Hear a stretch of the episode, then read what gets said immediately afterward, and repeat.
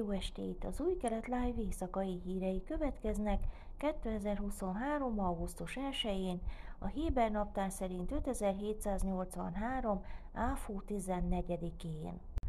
A 12-es csatorna riportja szerint az Egyesült Arab Emírségek tisztviselői arra törekszenek, hogy izraeli orvosokat csábítsanak az öbölmenti országba, miközben az egészségügyi szakemberek egy része a Netanyahu kormány igazságügyi reformja miatt az ország elhagyásán gondolkodik. Orvosok ezrei csatlakoztak egy cset csoporthoz tanácsokat kérve a külföldre költözésre, és néhányan már jövedelmező ajánlatokat kaptak az Egyesült Arab Emírségekből. Az ajánlatok hivatalos csatornákon keresztül érkeztek az emírségekből, valamint Bahreinből, mivel lehetőséget látnak az izraeli zűrzavarban és a külföldre költözés iránti érdeklődésben, áll a jelentésben. Az Egyesült Arab Emírségekre vonatkozó ajánlatok feltételei között szerepel az izraelinél háromszor magasabb fizetés, az orvosok gyermekeinek oktatási lehetősége, valamint a hosszú távú tartózkodásra jogosító aranyvízum, illetve egyéb juttatások. Úgy tűnik, az izraeli orvosok nagy érdeklődést mutattak az ajánlatok iránt. Hétfőn nagyon lőttek egy 18 éves fiatalt, másik kettőt pedig megsebesítettek az északi Kafkara közösségben. Az elmúlt években erőszakos bűnözési hullámdul Izraelben, egyes városrészekben szinte rendszeressé váltak a lövöldözések. Egy erőszak ellenes csoport adatai szerint idén az arab közösség legalább 136 tagját gyilkolták meg erőszakos incidensek során, jóval többet, mint tavaly összesen. 2022 azonos időszakában 66-an haltak meg. A pénzügyminisztérium szakértői figyelmeztették a kormányt, hogy a Benjamin Netanyahu miniszterelnök által az ország észak-déli irányban átszelő nagysebességű vasúti hálózat létrehozásának terve túl költséges lesz, amit a várható utasszám nem indokol, jelentette a 12-es csatorna. Netanyahu a kormány vasárnapi ülésén jelentette be a projektet, majd sajtótájékoztatót tartott Miri Regev közlekedési és Bezalel Smotrich pénzügyminiszterrel az általa nagy közlekedési forradalomnak nevezett eseményről. A 100 milliárd sékeles terv szerint az északi Kéri Ecsmone várost vasúton kötnék össze a Vörös-tengeri Ejláttal a messzi délen, és egyes vonatok akár 250 km per órás sebességgel is közlekedhetnek.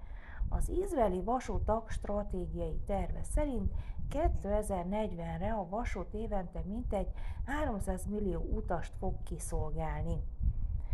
A 12-es csatorna jelentése szerint azonban a pénzügyminisztérium szakértői rámutattak, hogy a Berseva Eilát közötti vasútszakasz a leghosszabb és legnagyobb kihívást jelentő, költsége 40-50 milliárd sékel közötti összegbe fog kerülni, de még csúcsidőben sem várható, hogy óránként 400 utasnál több fogja használni.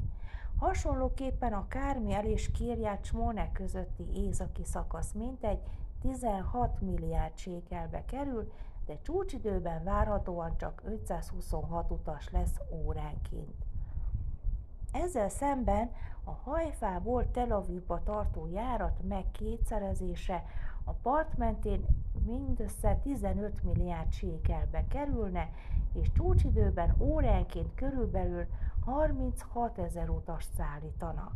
Hasonlóképpen a meglévő vonatvonal meghosszabbítása Jeruzsálemig, illetve hogy mélyebben menjen a fővárosba, valamint két új állomás létrehozása kevesebb, mint 5 milliárd sékelbe kerülne, de csúcsidőben óránként akár 19 ezer utas is használhatná. Ános út telep rabia Zev Weitman bejelentette, hogy indul az újraválasztáson, annak ellenére, hogy szavazás nélkül is megtartatná állását. Weitman szokatlan kijelentése egybeesik az önkormányzati rabik helyzetét szabályozó törvényjavaslatról folyó kormányvitával. A poszt a kritikusok szerint a korrupció gyakori forrásává vált. Az önkormányzati rabbik jelenlegi jelölési folyamata egy választási bizottságot foglal magában, ahol a küldöttek fele a városi tanácsokból, a fennmaradó fele pedig egyenlő arányban oszlik meg a vallásügyi miniszter által felkért helyi képviselők és a helyi zsinagógák képviselői között. Miután megszavazták a posztra egy önkormányzati rabbinak, nem kell indulni az újraválasztáson, és sokan évtizedekig töltik be a szolgálatot egészen a nyugdíjazásig.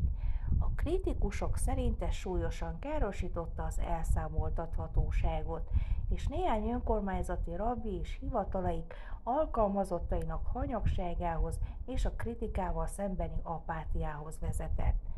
Weidman bejelentésében azt írta, hogy egy rabbinak nem szabad fejetlen szögnek lennie, aki soha nem lehet kihúzni, és olyas valakivel helyettesíteni, akiről a gyülekezete úgy gondolja, hogy jobb és méltóbb nála, vagy legalábbis jobban megfelel a munkára, idézte a rabbit a Kipa vallásos híroldal. A befektetők részvétele az izraeli startupok finanszírozási köreiben 2023 első felében 9 éves, a magánfinanszírozás pedig 5 éves mélypontra esett vissza. Írja a Globes gazdasági hírportál a Startup Nation központ jelentése alapján. Az elemzés a Finder információs platform adatelemzésén alapul, amely a hazai startup ökoszisztéma hat legjelentősebb ágazatát vizsgálta, mint a kiberbiztonság, fintech, IT és szoftver megoldások, klímatechnológia, egészségügy, élelmiszeripar és mezőgazdaság.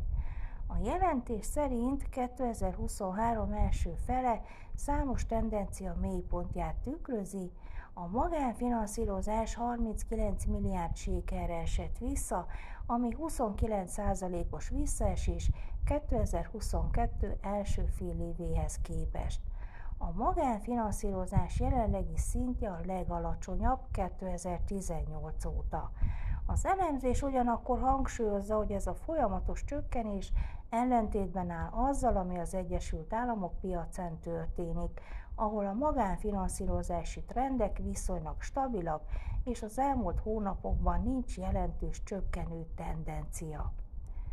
Az első hat hónapban ezzel szemben Izraelben 9 éves mélypontot ért el a befektetői részvétel a befektetési körökben.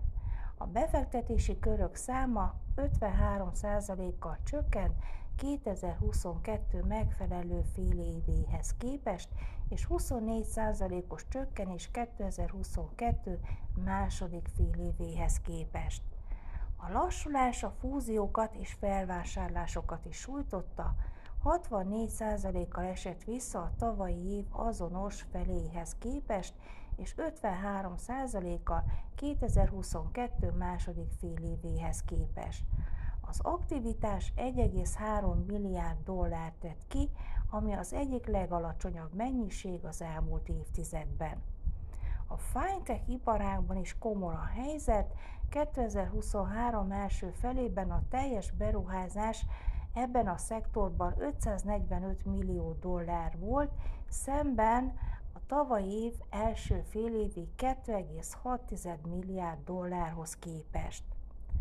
Az informatikai és szoftver ágazat terén a magánberuházások 66%-kal mindössze 450 millió dollárra csökkentek első fél évben, szemben a tavaly azonos időszakban jegyzett 1,34 milliárd dollárhoz képest.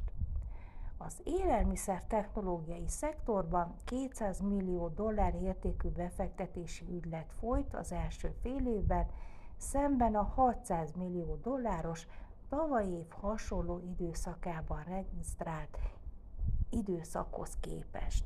Időjárás. Szerdán napos idő várható Jeruzsálemben, Asdodban és Tel Avivban 33, Hajfán 31, míg Eiláton 42 fokra lehet számítani. Ezek voltak az új keret live hírei kedden.